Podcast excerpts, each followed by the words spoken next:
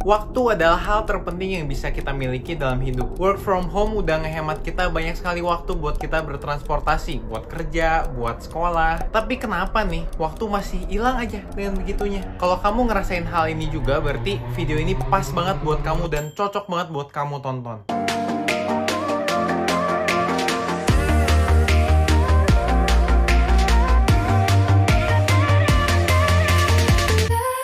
Halo Hero, salam kenal. Gue William, pendirian Believable. Dan di channel ini gue bakal ngebahas semua hal tentang personal development Yang pastinya akan ngebantu kamu buat sukses. Jadi silahkan di subscribe dulu. Jadi hari ini gue bakal ngejelasin 10 tips buat mengatur waktu. Gimana biar setiap detik dalam hidup lo ini dapat berarti dan tidak disalahgunakan. Yang pertama, we all have our own time. Waktu kita itu benernya milik kita. Kita yang mengontrol semuanya. Kamu bisa melakukan hal yang paling ingin kamu lakukan hari itu juga. Kayak gue sekarang gue lagi bikin video karena hal inilah yang pengen gue lakuin hari ini. Sebenarnya waktu itu kontrolnya ada di kita. 100% dari diri kita. Mungkin emang ada kewajiban hal-hal yang harus dilakuin.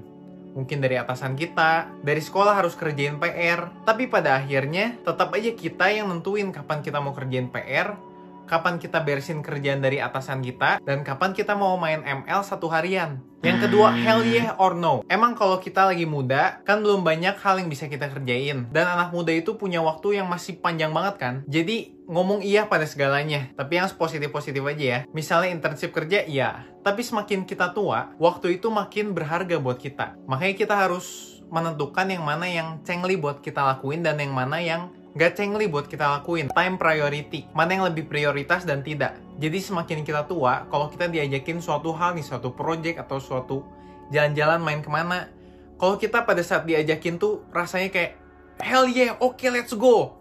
Berarti lakuin. Tapi kalau lu ngerasa kayak, ah kayaknya biasa-biasa aja berarti nggak.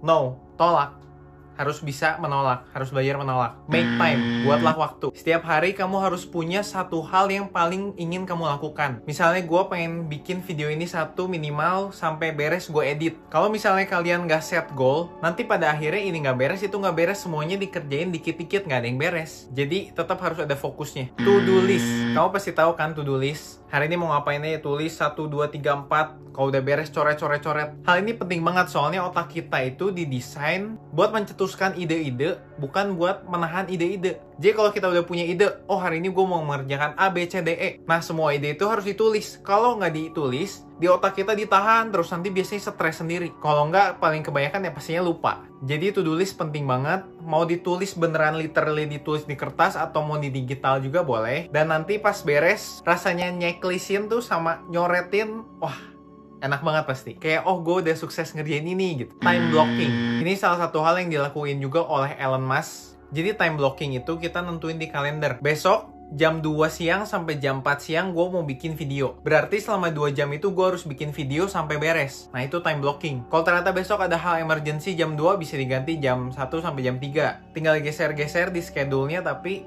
tetap ada time blocking itu biar lebih productivity dan pastiin si kerjanya itu beres. Parkinson's Law. Contohnya kayak gini, gue nentuin mau bikin video ini beres dalam satu minggu. Proses ABC ribet kan? Dan itulah yang akan terjadi. Satu minggu gue bikin satu video. Tapi kalau gue ngomong ke diri gue sendiri, gue mau beresin satu video ini sampai beres dalam satu hari. Itulah yang akan terjadi juga. Itulah Parkinson's Law. Jadi lu butuh banget artificial deadline yang jangan terlalu panjang. Yang jangan ngebuat lu bisa nyantai-nyantai lagi. Karena dalam satu hari dan satu minggu, videonya tetap aja beresnya satu. Cara pikir kita lah yang menentukan video ini bakal beres seberapa lama. Dan deadline juga harus ditulis kalau nggak nanti nggak bakal beres-beres kerjaan kita protected time kamu harus coba cari waktu setiap harinya di mana kamu waktunya itu kosong dan bener-bener buat me time buat waktu kamu sendiri waktu kosong lah intinya mah misalnya pagi baru bangun tidur sisain 4 jam selama 4 jam mau makan, mandi, tidur lagi, cari-cari ide, main game bebas terserah. Tapi tiap hari punya waktu kosong itu. Kalau nggak nanti stres kali ya. Delegasi.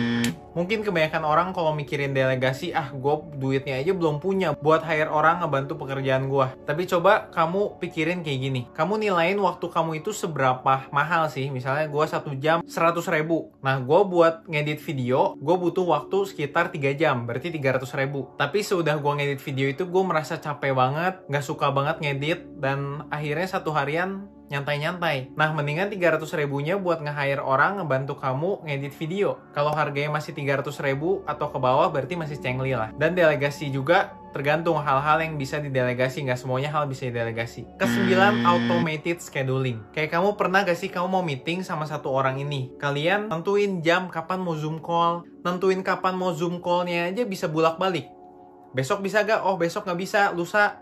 Lusa nggak bisa minggu depan masih nggak bisa mendingan kamu catat jadwal kamu minggu ini ngapain aja di schedule, hari apa aja dan jam berapa aja. Kamu kirim ke dia, ini schedule gua minggu ini, ini, ini, ini. Nah dia pasti punya schedule dia juga kan, nah dia cocokin, oh ini gue kosong juga, pas langsung jadi beres. Gak usah menghilangkan waktu 20 menit, mungkin kalian cengcong bolak-balik. Dan yang terakhir, the choice to be satisfied. Pilihan untuk merasa puas. Pasti di malam hari setiap harinya, ada aja hari yang kamu gak merasa puas. Oh, gue udah beresin satu video, harusnya gue bisa beres nih tiga video. Itu biasanya dinamakan beating yourself up, bikin kita capek sendiri. Toh lagian kalau kamu merasa gak puas, harusnya bisa bikin dua video hari itu, gak bakal bisa ulang hari dari pagi lagi kan?